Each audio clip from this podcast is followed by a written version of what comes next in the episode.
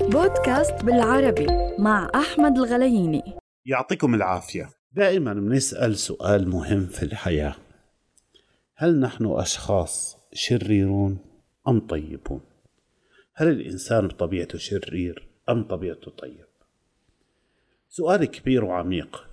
وعلى الفيسبوك أو ال social media أعتقد أنه ما حدا قدر يجاوب عليه. لأنه السؤال كتير عميق. هل نحن ناس شريرة ولا طيبة؟ ما بعرف بالفلسفة شو بيحكوا عنه لكن أعتقد أنه الإنسان في طبيعته من داخله طيب.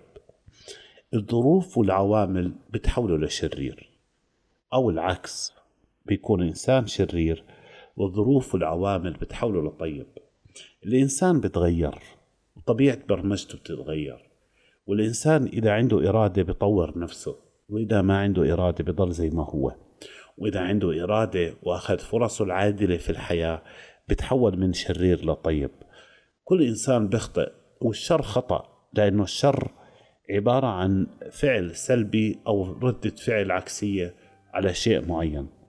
طبيعة الإنسان البشري بتحاول إنها تكون نقية أو إنها طيبة أو بتحاول تكون مدافع عن نفسها. خلينا نقول طبيعة الإنسان البشري بتحاول تكون مدافع عن نفسها وبتحب إنها تدافع عن نفسها فبتجد إنه أفضل وسيلة للدفاع عن النفس هو الهجوم ولذلك بيكون إنسان بيظهر للآخرين إنه شرير رغم إنه إيش؟ بدافع عن نفسه.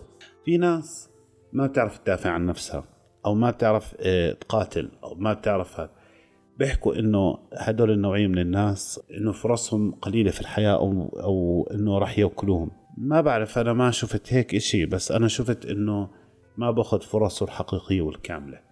لذلك الإنسان دائما بيحاول يدافع عن نفسه بس بيحاول يضع نفسه في بيئة غير بيئته. فلذلك دائما بيحاول القتال حتى يتكيف مع هاي البيئة.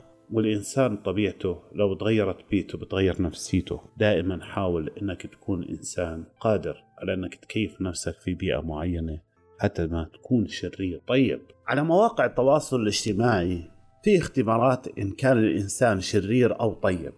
طبعا حسب ما يرغب الإنسان فأن يعطيه نسبة الطيبة أكثر من الشر لأنه الطيبة صفة إيجابية.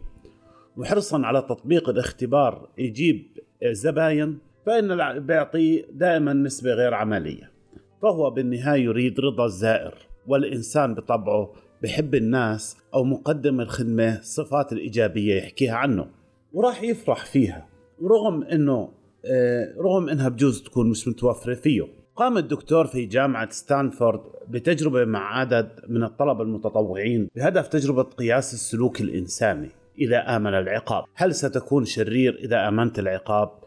هل سألت نفسك هذا السؤال أبدا؟ إن نفس السؤال قام عليه Lord of the Flies رواية ويليام جولدينغ في الخمسينات. عدد من الأولاد وجدوا أنفسهم على جزيرة واضطروا للحياة عليها بدون كبار ولا قوانين.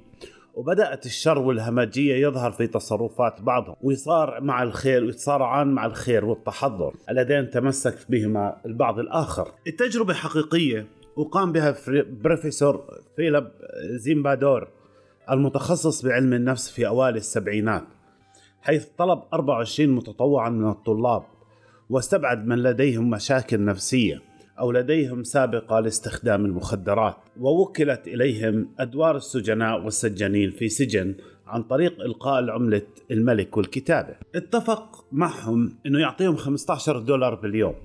ومدة التجربة 14 يوم للتحفيز وقياس السلوك العدواني والإيذاء في السجون. وتم إعطاء الطلاب الذين سيقومون بدور الحراس عصي أزيل الحراس.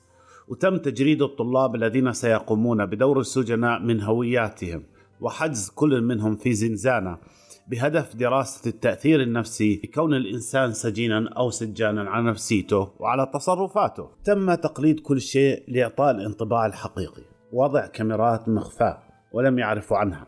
وكانت النتيجة مروعة. واضطر البروفيسور لإنهاء التجربة بعد ست أيام فقط وقبل نصف الوقت المحدد. الطلاب الذين قاموا بدور السجناء تعرضوا لاضطرابات نفسية وبدأ كأنهم لم يعودوا قادرين على التمييز بين الحقيقة والتجربة كما تحولت شخصية الطلاب الذين قاموا بدور السجانين إلى العنف والقسوة والنتيجة التي لا تستطيع مواجهتها هي أن الكثير من البشر سيكونون مؤذين وأشرارا.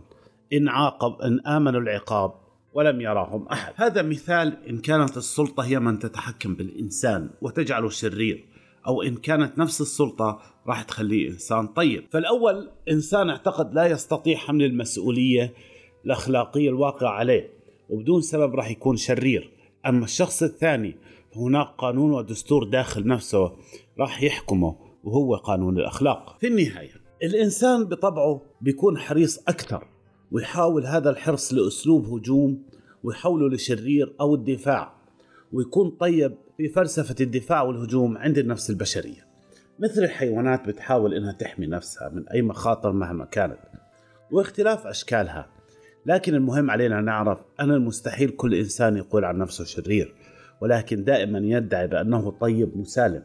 ولكن الصفات هي من تظهر حقيقة صفاته الحقيقية. أو خلينا نحكي المواقف هي من تظهر صفاته الحقيقية. تصرفات الإنسان بتكون خارجة من قلبه لأنها بتكون تلقائية وغير مدروسة وليست من عقله اللي دائما بدرس كل خطوة. دائما كون إنسان مثل ما أنت وحول دائما الشر إلى خير حوله إلى عمل مفيد وعيش حالة السلام مع نفسك وعيش سلامك الداخلي.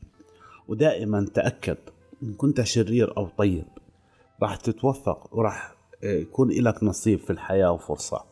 يسعد أوقاتكم ويسعد أيامكم.